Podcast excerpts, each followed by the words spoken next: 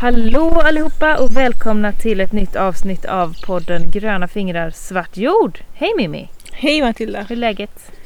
Det är varmt. Ja. Inga nyheter? Nej precis. Nej, det är jättebra faktiskt. Vi håller på här och grejer med vårat i värmen. Typ. Schysst. Ja, det är skönt. Eller det är det inte. Det skulle vara jätteskönt om det var 10 grader kallare. Typ. Men eh, ja, jag klagar på den svenska sommaren. Så är det. Den svenska sommaren är inte vad den brukar vara. Det brukar ju vara regnigt och dant. Var är det någonstans? Ja, Vi precis. känner inte igen oss. Nu är det soligt jämt. Vi har bara, vi har bara gjort så här. Ja. Så ska det ju vara det, det Rivieran eller någonting. Inte här. Jag vet, jag träffar på folk som bara säger jag klagar inte, jag bara behövt klippa gräset en gång i år. Det är så skönt så. Och jag bara, men fattar du inte vad det innebär? Att du bara behöver klippa gräset en gång på tre månader, det är ju något som är helt fel liksom. ja, precis. Eh, Jag läste nu på, eh, om det var Sveriges Radio eller SVTs hemsida, att eh, nu så ska de bönder som drabbas av torkan få EU-pengarna. Ja, eller? jag vet Nej. inte vilka pengar det är. Men Nej. de ska få någon form av kompensation från staten. Ja, bra. Mm. Eh, det har jag ju läst lite om att de kanske skulle öppna någon krisfond. Och... Ja, Kan, kan man rädda bankerna kan man rädda bönderna var det någon som sa. Och det håller jag väl med om. Det är väl lite viktigare kanske att rädda bönderna än att rädda bankerna med. Schysst prioritering. Ja, men i finanskrisen räddade vi ju bankerna. Staten gick ju in med jättemycket pengar Ja. 2008. Ja. ja, då kan vi faktiskt slänga några kronor på bönderna också. Det, Mm. det är inte fel. Man ska, man ska betala de som ger en mat. Ja, det, är en grundläggande grej tycker jag. precis. De som räntar ens pengar som inte ens existerar behöver inte ha så mycket. Nej, Nej. nej. Nej. Vilka pengar. Ja, ja men precis. Vilka ja. pengar. Ehm, Apropå pengar, vi tänkte att vi skulle snacka lite om resursanvändning idag. mm. Mm. Det är dagens tema. Eh, absolut med tanke på hur krisen eh, sprider sig, hur torkan löper amok genom landet. Mm. Mm. Genom delar av landet i alla fall. Jag såg någon karta som SMHI hade lagt ut, kanske det var, om eh, vatten, vattenmagasinsnivåerna. Ja, just det. Mm. Och det var faktiskt eh, normala nivåer i betydligt större delar av Sverige än vad jag trodde. Ja, Men det är kanske för att vi bor precis där det är som värst kris. ja För det, det sträcker sig ju liksom över eh, Småland Ja. i stort sett. Och vad blir Västergötland? Ja, där tog mina geografikunskaper slut tänkte Ja. jag. Men det är mittenbandet liksom. Ja, precis. Ja, så att alla ni som lyssnar som bor i övriga delar av landet eller i andra länder runt omkring som eh, inte har det här problemet. Förlåt för att vi tjafsar massa på torkan och för att vi är, verkar lite besatta av att det är så torrt. Men eh, det är vår verklighet. Ja, jag tänkte jag ska ta ett, ett kort här från min trädgård och lägga upp sen. Som bild till det här avsnittet. Ja, Så precis. ser man ju hur jävla torrt det faktiskt är. Mm. Du får ju ingen potatis att äta. Nej, Inte ens det. Nej, eh, hade, det var ju den, den här torkan för 150 år sedan som fick, fick smålänningarna att emigrera till USA. Jag har alltså så himla många i min släkt emigrerade. Det, åh, ska vi ta ett sidospår? Ja, sidospår är Ja. bra. Eh, ett sidospår. Min mamma håller på mycket med släktforskning så jag har lite Mm. Hon har ju till och med eh, husforskat åt mig. Ja, Så kan vi säga, så besatt är Matildas mamma just nu. ja, det. hon har forskat på alla som har bott på den platsen du bor nu Mm. liksom. Precis. och gett till dig. Ja men hon, eh, hon håller på mycket med släktforskning och jag är ganska inbiten smålänning. Alltså vi, vi går bort till 1600-talet och vi har inte flyttat oss från den här regionen. Norra Småland, möjligtvis några från södra Östergötland. Men vi har bott här. Inte så mycket inavel måste jag lägga till då. Men det, är ganska stort. ja det är ju det. Och, och de, de verkade ha skött det där rätt snyggt i alla fall. Bra, bra. Eh, I alla fall på pappret. Det är bara papper där man kan eh, ja, säga någonting You om. never know. Nej, men i alla fall eh, innan jag hette Forsäla i efternamn som jag gör nu så hette jag Fransson. Och det kommer från, nu ska vi se, min farfars farmor som hette Fransdotter i efternamn. Mm. Mm. Tina Olivia Fransdotter. Eh, och den här eh, Tina då, hon hade ett sånt ledsamt öde. Och jag tycker att det, det är så sällan man hör kvinnohistoria. Det är så sällan man hör om hur kvinnorna hade det. Men hon var liksom ett av väldigt många syskon. Alla syskon emigrerade till Amerika.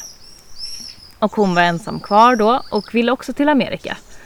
Eh, och åkte till Amerika men blev inte insläppt för hon hade inte 200 kronor som man behövde för att komma in. Och ingen av hennes syskon gav de pengarna till henne. Så hon fick åka hem igen. Man kan tänka då den stora grejen att säga hej då allihopa i det här Sverigelandet. Jag kommer aldrig komma tillbaks. Jag flyttar. Och sen Mm. så ett halvår senare så här, "Ah, det gick inte så bra. Nu är jag här igen. Mm. Eh, hon hade ingenting, blev satt på fattigstuga. Jag vet inte riktigt vilken ordning det var men hon fick en, ett barn, en son, min farfars far. Eh, man vet inte med vem. Eh, och det gjorde ju inte saken lättare liksom, ha en oäkta son på den här fattigstugan. Sen så hittade hon en snubbe Mm. som tar henne från fattigstugan. Och de lever där tillsammans några år. Och sen så då hittar min farfars far när han är sådär 6-7 år. Hittar han den här styvpappan som har hängt sig utanför deras hus. Och de är ensamma igen. Och det är liksom, det här är bara ett öde. Det här är Ja. bara en kvinna. Och då eh, tänker man att ja, men det är långt bort, det är långt bort. Men den här farfars, min farfars far, han har jag träffat. Mm. Så det är inte så långt bort. Och alla de här som fick flytta för att det var så torrt som hon också ville göra. Det, det är inte så himla länge sedan ändå. Det är inte så många generationer eh, som, eh, som har passerat sedan det var kris sist. Nej, men vi glömmer ju fruktansvärt fort. Ja, precis. Vi har inte namnen, vi har inte platserna och de lever ett väldigt annorlunda liv än vad vi, tar, vi har. Ja, och jag tror den här utvecklingen som har varit sedan efterkrigstiden och framåt har liksom gjort att vi verkligen har raderat mycket av det som hände innan 50-talets Mm. början ungefär. Ja. Har Det- du någon koll på till exempel så här, hur dina föräldrar träffades? Mm. Det vet du. Ja, men det är så. något sånär vet Har jag. du koll på dina far och morföräldrar träffades? Jag vet hur min mormor och morfar träffades. Eh, De är ju födda, de är efterkrigsbarn, eller Ja. krigsbarn båda två. Ja. Så de är ju inte så långt tillbaka. De är Nej. födda på 40-talet, eh, slutet på 30-talet. Ja. Ehm, och de vet jag träffades på dans i Motala. Oh, dansbanekärlek. Jajamän. Det är fint. Eh, ja. Ja. det höll ju inte jättelänge deras äktenskap. Men, eh, men min farfar däremot, han var född 1919 Mhm. och min farmor var född 1927. Mm. Och de vet jag ju inte riktigt lika mycket om hur de träffades. Nej. För det är ju liksom en helt annan tid. Ja. Men vad jag vet har inte vi några i släkten som har emigrerat. Alltså jag, på den Nej, sidan, vi bor ju på östgötasidan. Ja, den Rikemanssläkter ja. alltså. den sidan av mig kommer ju från eh, mellan Linköping och Norrköping. Ja, just det. Mm. Och sen har vi liksom rört oss eh, söderut Mm. därifrån. Eh, Medan min mammas sida, min mormors släkt, Mm. de kommer ju härifrån. Ja, just det. De, då har vi släktingar tillbaka eh, som har bott utanför Tranås eller i Linderås. Tänk om vi är släkt. Fast vi har gått, vi har gått eh, Linderås, Trehörna, Ödeshög. Ja, ja. Men det Lite kan, sn- snett upp eh, liksom. Förbi boet bland annat. i boet. Ja. ja. ja. Ehm, men annars har jag ingen jättekoll på släkterna sådär. Nej. Men det försvinner så snabbt. Och till Ja, slut så blir det bara namn. Man har liksom inte historien. Det är ju historierna man vill ha. Egentligen inte. Eller hur många barn folk hade eller var de bodde. Alltså, Nej, utan hur de levde. Hur de vad de levde, utsatte, utsattes för. ja, Mm. precis. Men det tystades. Det var ju så mycket mer skambelagt förr.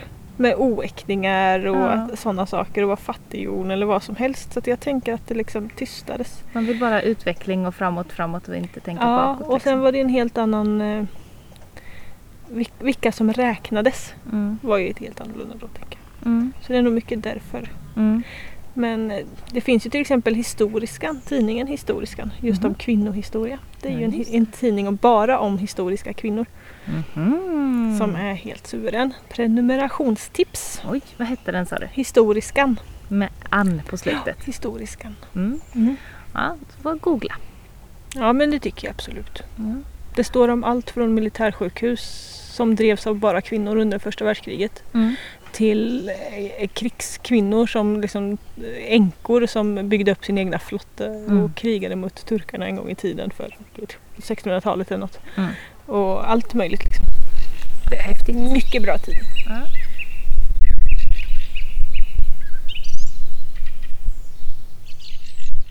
Vi skulle inte prata släkthistoria. Nu har vi tappat hälften av våra Jätte, lyssnare jättesidospår. Det var svälten för 150 år sedan. Ja, eh, vi skulle prata resursanvändning. Mm. Eh, hur tänker du kring det? Jag tänker ju, alltså jag tyckte att vi skulle ha det här temat lite för att både du och jag gör ganska stora byggnadsprojekt just nu. Mm? Eller ni har ju gjort ert med växthuset. Ja, vi är inte klara än men det, sto- det stora är klart. Ja, precis. Och medan vi höll på att renovera två uthus. Eller Mm. ja, just nu ett, men två ska ju renoveras. Och vi har ju en jättestor skillnad i hur, eller vi har nog i grund och botten ganska lika syn Ja. eh, på resursanvändning. Men vi liksom använder det på väldigt olika sätt. För jag vet, Ja. ni har pratat någon gång om att om 30 år vet man inte vad man vill göra med platsen. Mm. Så då bygger ni upp något som man kan riva om 30 år. ja, precis. Eh, Vi vill att det ska vara lite flexibla lösningar. ja, Eh, Vi jobbar rätt mycket med flexibla saker. ja. Ja. Plockar upp. Och det gör ju vi också fast på ett helt annat sätt. För vi renoverar liksom en så här jättegammal timmerstomme med återanvänt tegel. Mm. Och det är bara så här linoljefärg Mm. och sådana här grejer som är liksom det här huset är ju byggt för att liksom stå i hundratals år och vi renoverar det för att det ska kunna stå i hundratals år till. Mm. Men om du vill flytta på det Mm. så kan du plocka ner det bit för bit och bara antingen flytta det och bara bygga upp det igen. Mm. Eller återanvända allting. Det är jättebra. Mm, det tänker jag är ganska smart resursanvändning. Ja, precis. När vi har byggt, vi har inte byggt så mycket i vårt hus. Alltså vi har satt upp några inneväggar. Det är liksom vi har lämnat huset väldigt mycket Mm. eh, så som det var när vi flyttade in för åtta år sedan. För att ja, men vi har fått två små barn och vi tänker de målar på väggarna och det allt bara. Mm, Man ska inte göra top notch renoveringar med småbarn. Det är bara dumt. Liksom. det känns inte som värt. Jag vill, jag vill att de ska kunna leva och leka i vårt hem och inte bara bli åttutade att nej ni får inte, ni får inte Akta ha... reporna i parketten. Ja precis, Mm. det känns inget roligt. Då får de hellre slita ner vårt hus så kan vi renovera upp det sen. när- Fördelen med att få barn ganska tidigt i livet Ja. är att när de flyttar hemifrån så är man bara knappt i mitten. Ja, ja precis. Mm. precis. Eh, men då, då har vi liksom byggt växthus istället och där är det inte lika noga på något sätt. Nej. Eh, Det som vi har tänkt när vi har byggt våra växthus det är att vi har utgått mycket från sånt material som vi har. Eh, Eller, eller som vi liksom skaffar oss begagnat. Så vi har tänkt en plats. Att men här någonstans vill vi ha vårt växthus. Sen har vi letat på Blocket. Eller eh, lagt ut något på Facebook. Frågat folk. Har ni massa glasrutor? Har ni någonting? Så att vi är ute i ganska god tid innan. Mm. Eh, sen åker vi och hämtar det som vi får. Och sen ut efter det formar vi hur de här växthusen ska se ut. Så ibland har vi massa stora rutor, ibland har vi massa små rutor och så, så får man liksom trixa för att få ihop någonting som funkar. Mm. Så på det sättet är det ju ganska Det är ju resurseffektivt. Ja, precis. Att Men det vi- kanske inte går att plocka igen ner och flytta och återbygga nej, upp nej. liksom. nej, precis. Men vi tar ju sånt som andra har tänkt slänga. Ja. Och så tänker vi med rätt mycket i vårt hem. Att när det väl kommer till oss, då kommer vi att ta slut på det. Alltså det är sista anhalt hos oss med väldigt mycket. Att Mm. det, vi tar det som folk vill slänga och gör någonting av det. Och det gör ju också att vi samlar på oss väldigt mycket bråte. Mm. För man vet aldrig när man kan behöva använda den här gamla resårmadrassen. Man vet aldrig när man kan behöva alla de här hängrännorna. Eller ja, Glasrutorna, Glasrutorna, eller tankarna, ko- batterierna som är någon konstig wattgrej. Jag vet inte vad det var ni frågade mig om någon gång. Ja, jag vet inte. Men det, alltså vi samlar på oss rätt så mycket bråte och sen så använder vi också den när vi Mm. behöver den och eh, eh, bygger om det till något som funkar för oss. Får- Petson-lösningarna som Ja. vi nämnde i, förra avsnittet. Men då får vi heller eh, aldrig de här eller aldrig ska jag inte säga, men det är ofta sådana här lösningar som ja, men det håller ett tag men inte kanske hur länge som helst. Just det, det funkar nu liksom. Ja, Mm. och det är sånt som vi kan inte riktigt åka ifrån det. För att som vårt bevattningssystem, jag vet inte hur många gånger jag har försökt att förklara vårt bevattningssystem. Men det är lurigt och det är mycket man måste kunna om det för att man ska kunna trixa med det. Så att om vi ska åka iväg en månad, varför vi nu skulle göra det, så är det väldigt svårt för någon att komma och vattna med vårt bevattningssystem. För att om något går fel någonstans så är det liksom fyra andra grejer man måste fixa först för att kunna fixa det som är fel. Liksom. Mm. Och ringer man Jon så säger han ja, antingen kan ni göra så här eller ni skulle kunna göra så här. Eller också kan du koppla den där vägen. Precis. Och då blir det bara ännu mer. Ja, alltså, så det är liksom det är inga smidiga lösningar för Nej. någon som inte är med och håller på med det. Eh, ja, men det funkar för oss. Det Ja, känns som jag snackar ner hur vårt eh, sätt att fixa nu. Men eh, och jag tycker det är härligt med, med Petson-lösningar ändå. mm, Jag skulle nog tycka att det var ganska jobbigt att ha så komplicerade lösningar på allting. Jag tycker vårat sätt att flytta regnvatten till exempel är komplicerat enough. Mm. Och då är det bara att vi liksom fyller tankarna på ett ställe. Måste passa in när arrendebonden är här för att vattna sina kossor. Så han kommer med den stora traktorn så vi kan Mm. fånga honom då och be honom flytta kubiktankarna till vårat hus 100 meter bort. För vi har ingen egen traktor som orkar lyfta dem när de är fulla. Just det. Eh, och sen har ju vi bara egentligen en pump som vi måste montera ihop. Mm. Eh, och sen kan vi vattna. Ja. Men jag tycker det är komplicerat. Ja, det är, ja precis. Ja. Det kanske är på en fjärdedel av ja, av våran komplexitet. Ja, precis. Fast ni är lite mer så att ni måste vrida på den. Eller jag tänker att det är mer så att ni måste vrida på den kranen så att det fylls på där och så ska ni flytta där, därifrån till vrida på den kranen eller använda det munstycket och sådana grejer. I ärlighetens namn, jag vet inte riktigt hur det funkar. Nej, just det. För att det är, det är, bara, det är bara Jon som har 100% koll. Ibland tror jag att jag har koll. Och så börjar jag fixa med någonting. Och så har jag glömt någon, Liten någon detalj. koppling eller någon öppning eller Ah. råkat glömma trycka Mm. på en knapp. Och då känner jag mig lite som i den här, alltså jag har inte sett den här filmen Gaslightning.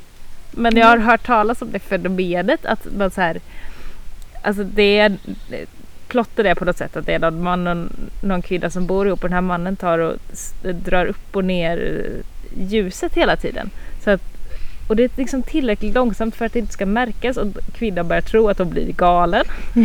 så att det är liksom och så kan jag känna mig lite ibland med våra lösningar att så här, nej men jag, jag är egentligen en, jag är väl en rätt så smart person.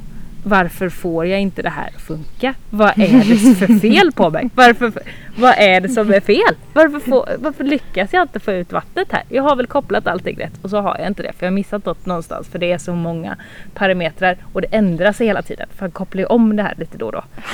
Och det är det jag menar med just gaslightning-grejen. Att det är, så här, det är inte ett system och så är det klart. Utan det, det förfinas. Alltså det är så här, jag tänker att det går åt så jävla mycket av era liksom personliga mänskliga resurser till att hålla det där igång. Så kan det vara. Att det är så här, det är ingen personlig resurs... eh, ja.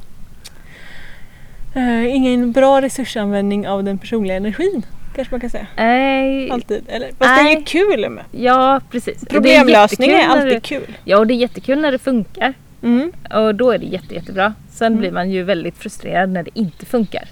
Och när Jon sen då kommer hem och bara trycker på en knapp och så bara, nu funkar det. Då blir man sur.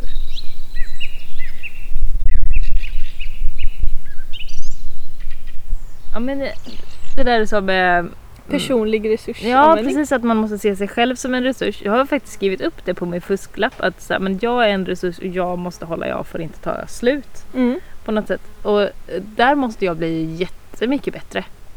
Mm. Så.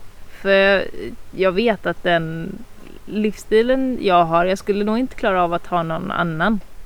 Men det, det tär ju väldigt mycket på en. Att, eh, jag vet inte, vara så principfast ibland. Att vara sådär jävla envis och bara säga nej jag ska inte ha en bil. Och nej jag ska inte... Eh, alltså det blir så många små saker för man kan tycka att nej, men det är inte så svårt att säga nej, men jag ska inte dricka kaffe, jag ska inte dricka alkohol, jag ska inte äta kött eller fisk. Eller, så. Men det blir väl, till slut blir man väldigt konstig. Man blir liksom långt från normen. Mm. Och när man då umgås med folk i normen så blir det blir svårt liksom. Att hela tiden vara den där som är lite udda. Men framförallt så är det nog svårt för att samhället är inte anpassat efter det. Nej. Eh, För som sagt, jag tror inte att jag skulle klara det och leva på något annat sätt än vad jag gör. Men det är svårt att gå ifrån sina principer för Ja. när man har principerna av en, en god anledning. Alltså ni, håller ju, ni har ju inte bil för att ni har miljötänket Mm, till exempel. Mm. Det är en sak kanske om man inte har bil för att man inte vill identifieras som en person som har bil. Alltså du förstår ja, så här. det. Ja. Ja. Ehm, att du bor, du är en storstadsmänniska som kör, tar taxin. Du Mm. har inte egen bil till exempel. Ja, Det kanske är lättare att liksom skippa bilen eh, av sådana anledningar på något sätt. Mm. Eh, eller liksom tum, det är lättare att tumma på de principerna eh, än liksom miljö. För varje gång jag sätter mig i bilen så tänker jag ju så här. Det här är inte bra. ja, just det. liksom. Och då får du ju leva med, med det dåliga samvetet istället. Är det bättre? Jag tänker utifrån att se sig själv som en resurs och att man måste Mm. hålla ihop. Att det, det dåliga samvetet gnager också liksom. Ja, jag tänker det. Ja. Vad, vad är bäst? Att så här, kämpa, det kanske inte finns ett, ett svar till det. Men att hålla på och Mm. kämpa med det, något som är jäkligt jobbigt men som man ändå tror på. Eller att känna att nej, men, jag går emot vad jag själv tycker. Men det är ju enklare och det är så. Mm. För samhället uppbyggt så. Alltså jag har ju, jag förs- har ju den här försvarsmekanismen i huvudet som då när jag säger, sätter mig i bilen och liksom säger det här är inte bra. Mm. Så kommer ju försvarsmekanismen och säger men du har aldrig någonsin flugit i alla fall. Ja men den är bra. Ja, det- Alltså, jag, jag har jävligt många bilmil liksom Ja. att, eh, att köra in eller vad man ska säga Ja. jämfört med de flesta som, jag, som lever runt omkring mig som Ja. ändå flyger Ja, minst en gång om året. Det har du absolut. Det, jag är skyldig till flygresor för många år sedan i och för sig. Men jag har flugit. Mm. Så att, eh, ja. Fast sen har ju du inte haft bil under så många år så du och jag kanske Nej, jag ligger på plus minus noll där. Jag har ju aldrig ägt en bil. Nej. Men, eh, Men det är ju också en försvars... För vi har ju pratat om det någon annan gång att egentligen kan man ju liksom inte se att man har till godo nej. I, inom miljögrejen. Liksom. Att bara för att jag, du, eh, om jag skulle skippa att äta kött så betyder ju inte det att jag har rätt att flyga. Nej, nej. Nej, det är Alltså, inte så som att man man, får en en, viss... Man får ju inte en viss mängd liksom, utsläpp så man kan bestämma lite själv hur man ska... I, egentligen Använd. är det ju så bara att mängden utsläpp är ju liksom är så jävligt mycket mindre än det vi lever efter. Ja, fast vi vem måste- får vi den från? Alltså det, det är ju... Nej, men det du, får man inte... Är det som ens födslorätt? Att nu har Nu jag har släppt ut massa och så blir vi jätte... ett, ett ton koldioxid ekvi... en ton koldioxidekvivalenter. Ja, Det är det du försöker säga? Ja. exakt. eh, per år att förbruka. Det är ju liksom den hållbara liksom vad vi har att förbruka. Och vi, Okej. Mm. vi använder ungefär 10 ton per år per individ i Sverige. Så att vi måste ju ner liksom extremt Mm. mycket. Men man Mm. har ju ändå det där tonnet. Mm. Att liksom, för det använda. kan du...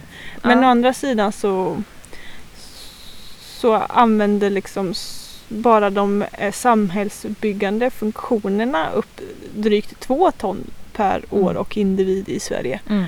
Så att du måste ju liksom kapa Kapa allt. Ja, det har vi också pratat om att även om du ligger liksom som en grönsak i en sjukhussäng och bara får i dig vätskeersättning typ så Mm. kräver du för mycket resurser i Mm. vårt land. För att du är medborgare. Ja. Ja. Ah, det är lurigt det där. Ja. Mm. Nej, men att se sig själv som en resurs, det är viktigt. Det måste de många bli bättre på tror jag. Jag Mm. framför allt. Jag Ja. har följt, jag är med i en Facebookgrupp om med uteslutande kvinnliga självhushållare. Ja, Eh, visst heter den kvinnliga självhushållare? Ja. Jag är också med i den. Mm. Mm. Kan vara lite svårt att komma in i den gruppen nu tror jag. För jag tror de har ganska blivit lite hårda med admin. För att- Mm.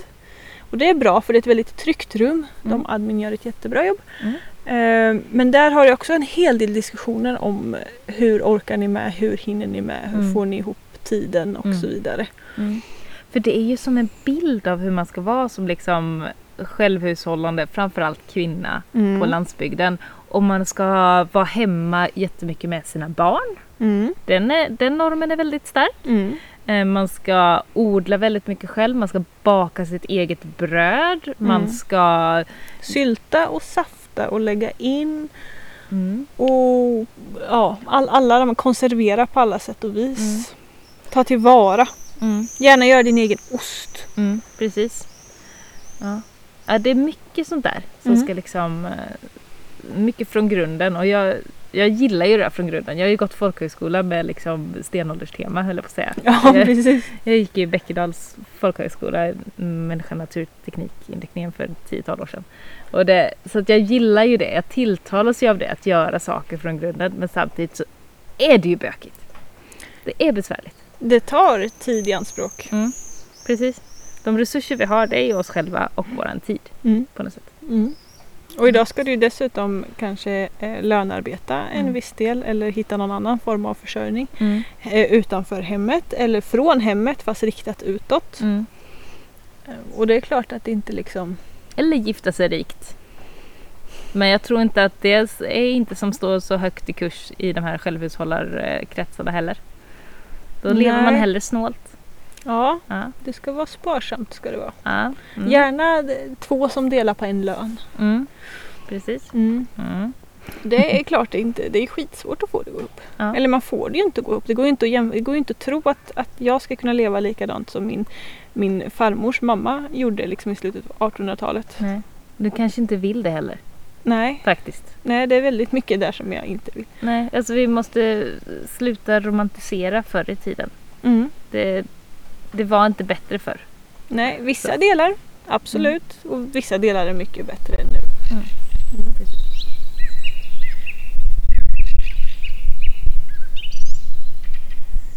En till sak med det här med, med resursanvändning Mm. som jag tycker blir lättare och lättare ju längre man bor på en plats. Det är det här med att man börjar samla på kontakter. Mm. eh, Med grannar eller folk som bor i närheten oftast då. Men man, man lär känna sin omgivning, vet var kan jag köpa såna här eh, kubiktankar? Eller Precis. var kan jag få tag i gamla armeringsjärn för att göra växtstöd av? Eller vad det nu är. Vem är bäst på att köra traktor? Ja, var När vi måste låna lassa och, eller flytta ömtåliga saker. Ja. Eller liksom, Vart kan jag mm. låna ett släp eller vad Mm. kan jag liksom... Ja, och man, man skaffar sig ett kontaktnät med bra att ha folk Mm. och bra att ha platser. Eh, och kan idka byteshandel med dem. Eh, antingen mot pengar eller mot det där, grönsaker och bär eller vad det nu är. Eller Mm. fika. Precis, fika är ganska populärt tycker jag. Mm. Mm. För folk ställer upp. Ja, Väldigt de mycket. tycker det är roligt att hjälpa varandra. Fördelen med att bo på landet jämfört med i stan. I och för sig, när jag har bott i stan så har vi haft ganska god grannsamverkan också. Mhm. Alltid med några grannar, inte med alla. Mm. Jag har haft skitdålig koll på alla. Mm. Men ofta så är det någon som man liksom har kanske lite samma rutiner på och stöter på lite oftare liksom. Mhm. Och har lite, ja men så här, vi har vattnat blommor åt grannar och lite sådana grejer. Ja, Fast det är fortfarande, de har ju ingen släpvagn att låna ut. Nej, nej. Ingen jordfräs i en Ing- lägenhet. Nej, utan det handlar ju mer om så här, ja, men jag kan ha din extra nyckel när du är på semester och Mm. se till att dina växter inte dör. Mm. Det är lite mer på den nivån. Mm. Medan här är det liksom på så mycket mer livsuppehållande nivå Mm. på något sätt. Precis.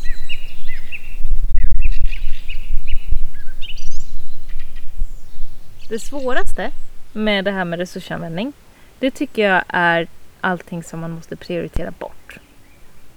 Ja, För det är liksom, det är så lätt att tänka att nej men nu ska jag göra det här och det här vill jag göra, det här vill jag göra. Men då måste jag ju också få bort någonting. För att jag har ju bara mig själv och min tid som Mm. resurs. Möjligtvis lite pengar. ja Men det, som, vi sa, som vi sa innan, det ska vara spartanskt. det ska vara. Det ska vara ont om pengar. Men en, en, en själv och ens tid. Och då måste jag ju välja bort. Mm. Det är jättesvårt tycker jag. Hur tänker du kring att välja bort? Jag tycker också det är jätte, jättesvårt. Typ den här sommaren, skulle vara jätteskönt att åka iväg på någon form av semester hela familjen och bara mysa loss till exempel. Men av resursanvändningsskäl så väljer vi ju bort det i år. Dels för att vi inte varken har pengarna eller tiden med renoveringar. Mm. Eh, och dels för att jag kan liksom inte kosta på oss de onödiga resorna. Mm. Eh, det blir. Mm. Och då blir det lite så här, ah, Man blir Ja. lite tråkigare på något sätt. Ja, precis. Ja, Det blir man. när man Fast väljer bort. Ja, fast ändå inte på något sätt. Alltså jag tycker att man kanske blir starkare Ja. på ett, om man ser det på ett annat sätt. Mm. Så tycker jag att det liksom, och lite, jag känner mig alltid mycket mer solidarisk. Mhm. Och mycket så här, när, när andra människor så här, nej men vi tänkte vi skulle sticka utomlands en sväng liksom. Mm. Och jag bara så här, era elaka jävlar, tänker jag. Ja men så här att jag liksom, jag, jag det är väl så här, också försvarsmekanismer liksom. Ja. För att egentligen kanske jag också skulle gärna vilja åka till Toscana och se den Ja. miljön. Ja. Eh, men att jag väljer liksom bort det för jag tänker inte flyga och jag har ingen lust att bila dit. Nej. Och jag vet inte om jag ens orkar sätta mig på ett tåg dit. Nej. Just nu i alla fall. Och då blir det så här att jag liksom tänker att de, de gör så här dumma beslut för världen. Ja, just det. De är onda människor, de är dåliga människor liksom. Alltså jag är bra. Jag har kommit till den punkten i min, eh, min bekantskapskrets att folk berättar inte sånt för mig. Jag får se det på omvägar eller får höra liksom efteråt kanske att oj nu har, oj, nu har de varit på Färöarna. Eller visst, eh, det- det där är inte Sverige. Ser man på bild. Vad Vart fan växer det palmer här någonstans? Ja, att man, man kommer på det efteråt eller man liksom, de pratar med någon annan och man hör att så här, Mm. de pratar om någon semester och bara va? Har du varit iväg? De Det är den längre. flygskammen och det Ja, som kommer tror det. liksom. Ja, De det- vet ja, att den de ska bra. få någon pik om de säger det innan. Alltså Mm. det har gått så, så långt. Jag vet inte om det är därför. Nu outar jag både min mamma och min syster genom att säga det här. Men för några år sedan så tog min mamma och min syster och åkte iväg till Rom med flyg. Eh, som så här, ja, det ville de göra. De frågar inte mig om de vill följa med. Jag tänker att det är en sån där mamma-dotter-grej. Så här, Nu ska Mm. vi åka iväg. Jag blir inte tillfrågad. För då Lite bitter jag är lite bitter och det, jag tänker att för att om jag skulle åkt med då hade vi ju inte flugit och då så hade inte vi kommit lika långt och då hade inte de kommit till Rom och så hade de blivit ledsna. Mm. Så då gör de det själva. Mm. Av egoistiska skäl. De är dåliga människor. Ja eller så är det jag som är egoistisk som blir sådär bara sur och inte kan unna dem att åka iväg. Jag vet inte. Men det är ju ingen mänsklig rättighet att åka iväg. Nej det är inte. Det är liksom inte ens en liksom det är inte ens början till någon form av jävla rättighet Nej. att åka på semester så. Nej. Det är bara liksom rent jävla överskott och eh, egoism. Ja. För, Hitta alltså, på något annat. behö, behöver du ha en semester för att varva ner eller koppla ifrån eller återhämtning eller rehabilitering, eh, vad fan som helst. Så du behöver inte flyga. Nej, jag, nej precis. Jag har en, eh, en bekant som bor en bit härifrån som brukar säga att hon vill ha ett liv som är uppbyggt så att hon aldrig ska längta till semestern. Nej, det är bra. Det tycker jag är jättefint. För att har man ett sånt liv där man inte vill ha semester, Då, då så har man ett väldigt bra liv. då har du ju ett hållbart liv, ett Ja. resursklokt liv. Ja, Mm. precis. Hon jobbar på det. Mm. Så. Det är nog svårt att komma dit. Ja. Jag tänker på tal om det här med romantiseringen förr, att de längtar nog inte kanske efter semester förr. Mm. Eh, men det beror säkert på att de inte visste vad det var. Ja, precis. Ja. Mer än att de liksom inte behövde det. Eller vad ska säga. Jag tror det är svårt att veta vad man längtar till. Eller vad... Jag tror inte de är så annorlunda mot oss. De som levde för 100 år sedan, eller 200 år sedan, eller 2000 år sedan. Nej, Man är liksom... men de hade inte sociala medier. De Nej. såg inte vad som fanns. Nej, nej precis. Alltså det är så här, min mormor eller min farfar eller någon tyckte ju typ en bit av en sockertopp var himmelriket. Eller Mm. vispad grädde med lingon. Mm. Det var ju det godaste som fanns. För de hade liksom inte 200 sorters lösgodis Mm. och 75 000 olika Marabou chokladkakor Nej. att välja på så fort de gick in i en affär. Mm. Och då blir ju liksom det lilla enkla det. Och nu kan vi Så. tycka att liksom så här, kol är så himla gott. Och de skulle väl Ja. bara Va? Är du knäpp eller? ja, Ja, Precis. Så konstigt. det Mm. har vänt sig. Mm. Mm.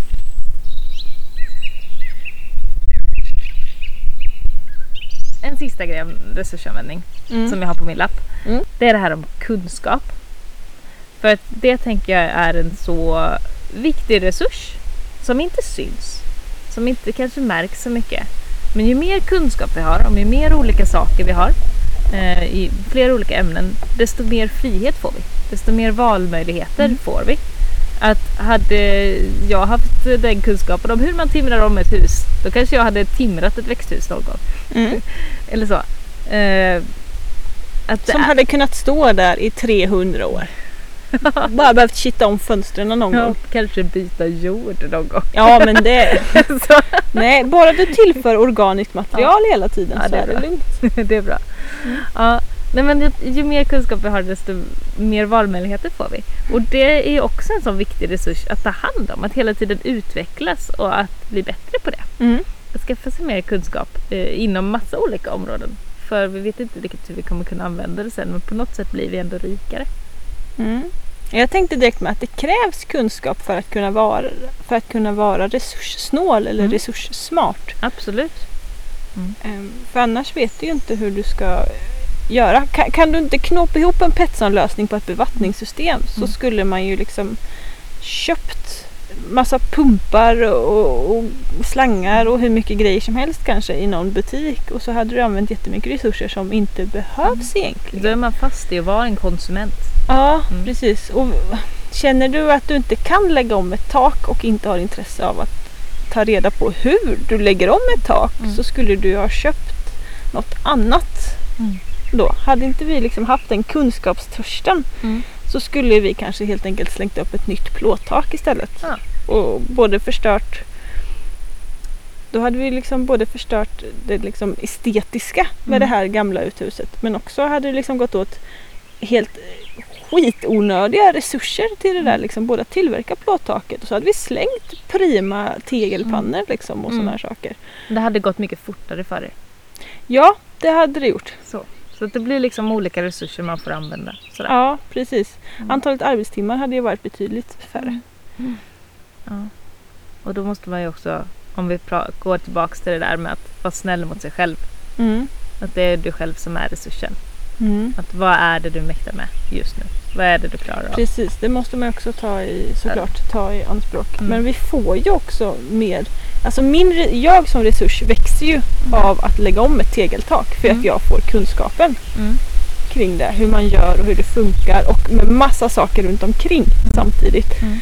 Ehm, Men man måste ha ändå det där motivationen och orken att, att Lägga den tiden. Ja, Mm. för har man inte det. Det är lite som att det här med eh, Jag brukar tänka på det när jag inte har energi och jag gör sådär dåliga val. mm. Typ jag är jättetrött och jättesur och så går man upp och bara käkar ma- massa godis och börjar Mm. få såna här sockertoppar Ja. och dalar och topp- toppar. Jättedåliga val. Så här, Mm. Jag vet ju att jag är dålig men jag kan inte göra något annat just då och det är lite som så här, man tänker på personer som inte har så himla mycket pengar. Mm. De kan inte köpa de här storpacken med toapapper eller vad det nu är. För de har inte den stora Summan, summan just då. att, just då. Utan då får de köpa de här små förpackningarna som i längden är mycket dyrare. Det är mycket sämre val. Mm. Och samma sak blir det ju med en själv. Mm. Eh, att man liksom Har man inte det där stora eh, Jag vet inte eh, Pengen att Eller investera i sig själv. eller... Ja. Mm. Har man inte det att investera i sig själv just då så kommer man göra dåliga val. Och då får man liksom äh, måste, man måste bara vila tror jag. jag Ja. vet inte. Men Det går ju att koppla ihop med jättemycket med arbetsmarknadspolitiken till exempel. Mm. De här som är för medborgarlön eller sex timmars arbetsdag och sådana här Mm. saker pratar ju mycket om just den biten. Att om folk ägnade mindre tid på lönearbete så skulle folk ha mer tid att liksom göra sunda val kring sig själva som Mm. resurs. Och då skulle utbrändhet, utmattning, olika typer av sjukdomar, Mm. av alla med olyckor överlag och sånt där minska. ja, Både på det. arbetsplatser och både på fritiden. Mm. För att folk skulle helt enkelt kunna vara klokare Mm. Med hur de fördelar sin tid. Ja, det med sex timmars arbetsdag låter inte dumt alltså. Nej, Nej. det är dags för en arbetsreform. Ja. Arbetstidsreform. Mm. Mm. Jag tycker tanken kring medborgarlön också är jätteintressant. Mm. Den ska vi inte prata om nu dock. Men, eh, men att alla liksom har en, en form av grundtrygghet. Mm. Så man vet att man får in pengar så att man överlever. Mm. Tror jag skulle Det är sunt. Ja, jag tror det skulle hjälpa samhället väldigt mycket. Mm. Kunna utnyttja allas eh, Potential Ja. istället för att folk ska oroa sig ihjäl sig Mm. och bli liksom of- oförmögna till... eh, Till något. Det man Ja. bara en kostnad. Precis, och bara ett oro liksom. av, liksom. Mm. Men det var inte det vi skulle prata om. Nej. Jag skulle vilja ta biskolan 5. Kör, vad handlar den om? Det är så jävla lite bin i år. Ursäkta mig men jag bara måste säga det. Det, alltså det här biåret började jättebra. Måste vi Ja. säga. Eh, för att det var en... Eh, alltså det kom inga riktiga bakslag. Det var en jättekall och jättelång eh, Vår. vinter och Ja. vår. Alltså, Men sen bara slog det om direkt. Mm. Eh, och det kom liksom inga bakslag. Så att bina hade liksom rätt så snart rätt så mycket mat. Och, ja, det var bra. Sen kom det ju inget regn. Och nu är det väldigt torrt och nu börjar det bli riktigt krisigt även för bina. Mm, jag har läst att folk snart måste börja vinter, alltså stödutfodra eller som man säger vinterutfodra Ja. bina i juli. Ja, det kommer vi behöva göra nu inom någon, någon vecka eller två har vi tänkt att vi ska börja Oj. stödfodra om det inte liksom kommer något jätteregn eller om det liksom ändras totalt. Men vi får se då hur, hur det går nu framöver. Men troligtvis kommer vi börja att eh, invintra våra bin redan nu eller vad man säger. Ja. Är det för att allting har liksom hunnit blomma över? Ja, det, det har börjat, hunnit blomma över och det börjar inte ens blomma mycket. Nej. Till exempel eh, klöven som brukar vara ute på ängarna. Ja, Den har inte, har du sett mycket klöver i år? Ehm, Jag vände mig om och tittade ut över vallen vi har Ja. bakom oss och eh, nej, Nej. det är väldigt brunt. Ja, Mm. precis. Alltså det, det slår ut och sen så blommar Vissnar det? någon dag Ja. eller två och då hinner liksom inte bina med. Mm. Alltså det, det har funnits blommor, absolut, men det, det tar slut för snabbt och Mm. mycket börjar inte ens blomma. Nej. Jag kan Eh, tänka mig att det är många som har det. Alltså jag hade ju tänkt att ha värsta blomsterhavet i mina grönsaksodlingar i år. Mm. Det har ju inte gått Nej, överhuvudtaget. nej precis. Så att nej, funkar inte jättebra. Jag, jag hoppades verkligen på att det skulle bli ett jättebra år för det har varit rätt så kast med senaste åren i alla fall här hos oss. Ehm, men nej, jag blev lite lurad där. Men jag tänkte den här biskolan 5 egentligen eh, skulle handla om lite om honung, slungning och invintring. För Mm. att det är liksom sluttampen nu. Det är det som vi behöver göra. Hur dags brukar sluttampen vara tidsmässigt egentligen? Eh, det brukar väl vara i mitten av augusti kanske. Det är en månad för tidigt då. Ja, Mm. precis. Så det som jag har tänkt att göra nu i veckan som kommer förhoppningsvis så kommer jag att se hur mycket honung som finns och sen kommer jag att slunga den. Eh, Bina bygger ju upp ramar och i de här ramarna finns det celler eller små hålrum och där i lägger de honung. Och så fläktar de den här honungen eh, så att den ska vara ha en vattenhalt under 20 procent. Så då står de där och liksom fläktar med vingarna. Ja. Ja. Så gulligt. Ja, och när de här små utrymmena i vaxkakan är fyllda med honung så lägger de på ett litet vaxlock. Sätter på locket på burken. Liksom. Och det är det som bina ska äta på vintern. Trodde de. Men Mm. sen kommer jag som biodlare och är taskig och bara tar honungen från dem. Jag tar ut de här ramarna, borstar bort alla bina, lägger tillbaka bina i kupan liksom. Och så går jag till ett slungrum, det ska vara bitätt. För annars så hittar ju bina doften av honung och så har man massa bin i slungrummet. Ja, inte det vill bra. man ju inte ha. Kommer du ihåg de här godisklubborna som fanns med insekter i förresten? Vagt minne av det. Ja. Jag bara fick så liksom, eh, en bild av att man får med bin i honungen i honungsburken. Liksom. Hade inte varit så mysigt. Nej, jag Nej. kommer ihåg de där godisklubborna med typ spyflugor eller vad, vad det nu var. Larver. Nej, jag kommer inte ihåg. Jag, jag tyckte aldrig det var någon hit för mig. Nej, Alltså. vi köpte aldrig sådana. Nej, Nej. nej. Mm. Ja, men då i alla fall i slungrummet så tar man bort de här locken som Mm. bina satt dit på vaxkakorna, sätter i ramarna i slungan. Och så finns det elektriska slungor och det finns sådana som man vevar för hand. Men det är som en, man kan säga att det är som en tvättmaskin fast på högkant. En gammeldags tvättmaskin. Ja, så man sätter ner de här ramarna och så snurras det runt.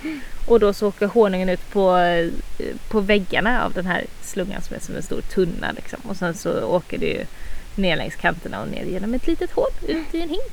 Och där silar man det från, ja, vad det nu kan vara, bin till exempel. Mm. Om det är något bi som har varit med. Eller pollen eller skräp. Bös. Liksom. Mm. Precis. Eh, när man har gjort klart det eh, så tar man de här stora honungskärlen så väger man dem och så lägger man ut någon cool eh, grej på Instagram eller på Facebook. Och så här mycket honung har vi pluggat. Ja, fast i år är det mer typ så här. I år Så här fick vi lite ja, blev det. krisen är här. Sen ska honungen stå i de här kärlen i ett par dagar och klarna. Och då är det allt det där skräpet som ändå tog sig igenom både grovsilen och finsilen, där det mikroskopiska, det, det kommer antingen att flyta upp till ytan eller åka ner och lägga sig i botten på honungen. Eh, så då ska man klarna det, det går snabbare om det är varmt.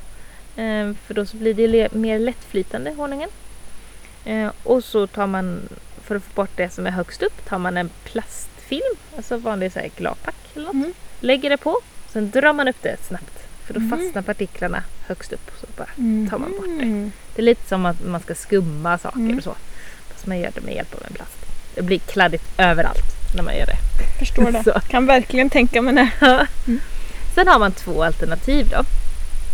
Och det är ju eh, eh, om man ska ympa sin honung eller om man inte ska ympa sin honung. Vadå ympa? När jag Ja, hör ympa så tänker jag ju det här att man sätter grenar på träd. Liksom. Ja, just det. Ja, Det är ympa för mig. Ja, det, det är också en typ av ympning. Men för att honung ska bli fast, Mm. alltså att den ska bli stel, då blir det en kristalliseringsprocess och det blir det alltid i honung. Men man kan försöka kontrollera den processen genom att ympa den. Då snabbar man på processen och man, eh, ja, man, man ser till att det blir så som man vill. Eh, för det är så många olika sockerarter i honung. Eh, och när de då kristalliserar sig så blir den ju på ett visst sätt. Antingen kan man ju träffa på honung som är väldigt grinig. Har du Mm, smakat den någon gång? Ja, jag vet också ibland när man har köpt honung och de översta lagren ibland har Ja, varit liksom så man liksom- känner sockerpartiklar och så. Ja, det är liksom kristaller så. Mm. Och det vill man inte riktigt ha. att Man vill att den ska vara slät jämn och så. Krämig. Ja, Mm. egentligen spelar det ju ingen roll för alltså, alla egenskaper hos honungen. Det är bara att konsumenterna vill ha en slät Just och fin. Så. Och då kan man ta och sätta i lite honung som är sådär slät och fin och bra. Mm. Så lägger man det i den här nyslungade honungen som är liksom rinnande Mm. och rör runt det där. Det är lite mer komplicerat än så. Jag förenklar det nu men man, eh, man rör ner sån honung och då kommer de här kristallerna som redan finns i den här fasta honungen att sprida sig bland alla de här stora och då fattar de här kristallerna från den nyslungade honungen att jaha, det är så här vi ska bilda oss. Just det, du tillsätter förebilder. Ja, jag ger liksom facit till honungen. Ja. Mm. Och det är att ympa. Och då kan jag liksom göra det efter att det har klarnat och sen så ympar man och sen så tappar jag upp det på burkar rätt så direkt. För att det börjar liksom bli fast efter något dygn. Mm. Och då vill jag ju ha det i burken. Mm. Så. Eh, så då går det kanske på några dagar, en vecka. Från att man har slungat till att man har färdiga burkar. Annars kan man ta och bara röra. Då tar jag varje dag, ett par gånger om dagen kanske till och med. Och så rör jag all den här honungen. Och tänk dig att ha ett kar med liksom 50 kilo honung. Det är rätt Mm. så stor hink och så ska du röra den. Många tar såna här cementblandar Ja, och borrmaskin. Och, och rör det. Eh, För att den här processen med att det kristalliseras den kommer ju att komma ändå. Det kan ta ett tag. Det kan ta upp en månad. Det kan ta ännu längre. Eh, men då behöver man inte tillsätta en ymp. Då får man ju det som bara är Mm. ens egen honung från det, det tillfället. Men du kan ju ympa med typ för, din egen honung från förra året. Ja, det brukar Mm. jag göra. Så det kan man göra. Så det är är lite det bara olika första skolor där. starten du behöver få in någon annans honung. Eh, Ja, precis. Det får man ju göra. Om du vill ympa redan din första sats. Men jag då. tror att, eh, nu har inte jag det i huvudet, men om det är 2 eller 3 procent som man behöver någon annan Mm. i en ymp. Så det är inte så himla mycket Nej. som man behöver ta från någon annan. Men det, ja, jag, jag ska Ja. inte svära på att det är den procentsatsen, men det är där kring. Det är Ja. väldigt lite. Det är inte 10, utan det är liksom väldigt liten del. Mm. Ja, så det är två olika skolor. Hur ska man göra för att få honungen fast? Sen tappar man upp den på burkar såklart. Och sen är det bara att eh, försöka bli av med dem. Eller hålla hårt i dem för det blir så lite honung att man vill ha allt själv. Precis, så kan det vara i år. Mm. Eh, för bina då? De fick ju sin honung snodd. Nu har vi liksom bara gått igenom honungen här och mig som producent och bara ah, så här gör vi människor. Bina står ju där utan någon honung. De har inget käk till vintern. Va, vad är det här för sätt? Mm. Eh, så då måste vi ju ta och ge någonting tillbaks till dem. Då kan man antingen ta och ge dem sockerlösning, alltså vatten mättat på socker. Mm. Eh, och då så tar jag värmer upp vatten. Eh, det ska inte koka. Och sen så har jag i socker så mycket tills det blir liksom en mättad lösning. Man kan få i rätt mycket socker i vatten. Kan jag verkligen tänka mig. Ja. Mm. Men det kan man få i och sen så låta det svalna innan man gör det till bina. Och sen så finns det speciella bimatar och sånt. Det är lite olika beroende på vilken Som små foderautomater typ. Ja, precis. Mhm. Så den typen som vi har är som en extra låda som man ställer uppe på våra bikupor och så fyller man på där så kan bina. De behöver liksom inte ens flyga ut. Nej, de kan krypa upp typ. Ja, istället. de kryper upp och så hämtar de käk och så lägger de det i de här eh, hålrummen i sina vaxkakor istället och så har de det och äter på vintern. Det finns också mm, olika lösningar som man kan köpa som är lite mer som en melass. Just det. Så. Eh, Och där finns det lite mer, alltså det är inte lika mycket vatten i dem. Mm. Så bina behöver inte fläkta ut lika mycket. Eh, Så det kan man göra. Så behöver man inte stå och balta och göra sockervatten. Mm. Det som man vill. Det finns lite olika alternativ där. Så att de får ju ändå käk på vintern. Mm. Och det är det som många har börjat göra nu. Att börja stödfodra sina bin. Ge dem sockerlösning eller någon annan typ av ersättning för att det inte finns tillräckligt mycket nektar och pollen ute. Det är ju helt sjukt. Mm. Redan nu. Ja, Så. det är jättetrist. Och det är därför det är bra att slunga innan. För att när de väl har börjat, om jag ger dem sockerlösning nu och sen så vill jag slunga om en vecka, då kommer ju kanske hälften av det som jag tror är honung att vara sockerlösning. Ja, just det. Det vill jag inte. Nej, det vill inte. Så jag måste ta honungen först och sen kan jag... Men kan det att det blir liksom en längre invintringsperiod, kan det påverka nästa år? Att det blir Ja. liksom färre bin i samhället som överlever och Ja, så? för att nu när... Eh, eh, när nu börjar ju drottningarna lägga färre ägg. För Mm. de tycker att nej men nu, det finns ingen mat.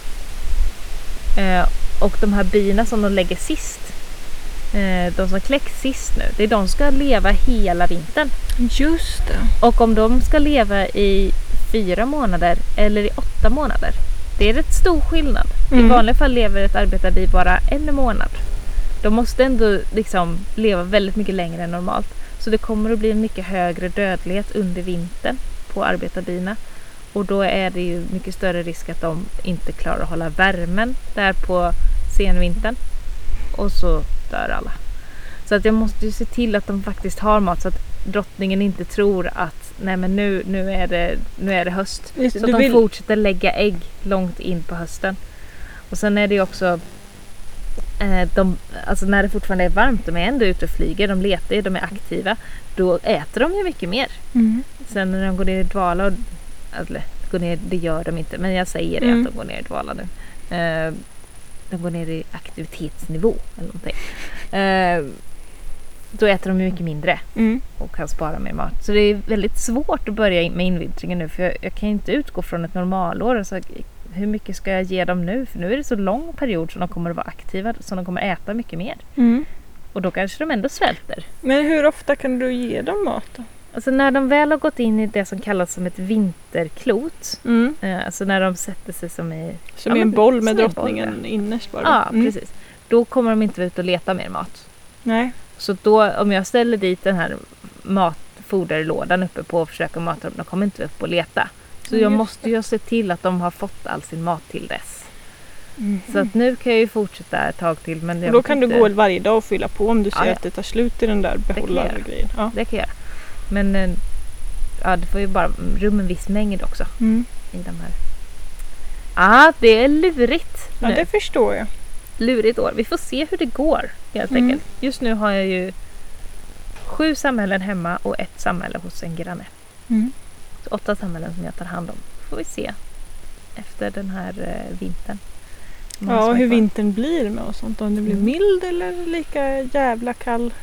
Ja, och det kan vara bättre för bin att den är kall men att den är tidig. Mm. Kort liksom. och kall. Kort och kall. Mm. För då går de ner och verkligen eh, ingen aktivitet, äter ingenting, sparar då väldigt mycket mat. Mm. Det är bättre än att de så här är lite... Först är det varmt och så tror de att nej men det ska åka ut. Nej, det blir ett bakslag. Och så, så ah, det blir inget bra. De behöver rutin. Mm. Så. Kommer de få anpassa sig. Mm. Ja, precis. Ja, det är allt om eh, Biskolan 5 för den här gången. Om honung, slungning och eh, en del om invintring. Mm.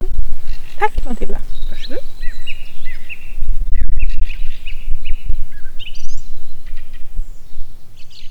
Innan vi säger hejdå till alla våra kära lyssnare så vill jag påminna om chilikedjan. Ja, Vi har fått ett par anmälningar till chilikedjan. Jättekul att det är några som vill vara med och jag tror att det finns ännu fler som skulle vilja vara med. Eh, chilifrökedjan kan man anmäla sig till genom att skriva till oss på Instagram eller på Facebook eller till vår mejladress gronafingrarsvartjord.gmail.com och så skriver ni att ni vill vara med i chilifrökedjan. precis. Och då inga kommentarer på Instagram eller Facebook utan som meddelande. Direktmeddelanden. Mm. För annars kommer vi tappa bort det. Mm. Ehm, Så det, om man vill vara med om den. Mer information om den kommer. Den kommer skickas ut i 1 september och ni har till 20 augusti på er att anmäla er. Och sen så vill jag göra lite PR för våra tjusiga tygkassar också. Mhm. Jag har också skickat iväg några stycken. Mm. Jättekul att eh, de är poppis. Eh, De är snygga. Finns, ja, snygga användbara. Nu ska ju liksom plastkassarna bort. Då behöver man lite tygkassar. Mm. Bra. Skicka med, ja, 200 kronor styck. Mm. Skicka meddelanden även där, Facebook, Instagram eller mail. Mm. Med namn och adress så får ni swishnummer och en tygkasse tillbaka. Precis. Så, och där finns mer information på hemsidan också. Mm. På kronafingrarsvartjord.se. Ja. Så köp tygkasse om ni vill. Något mer som vi måste så här, göra reklam för? Som vi måste säga till. Nej, det var väl inte så mycket reklam att göra? Eller? Nej. Information. Ja just det, vi gör aldrig reklam, vi bara har information. That's it. Ha det gött allihopa. Hör av er, det är jättekul när ni eh, kommenterar och gillar våra bilder och filmer och sånt som vi lägger upp. Det tycker vi är jättespännande. Ja. Så, så hörs vi igen framöver. ja. Hej då! Hej då!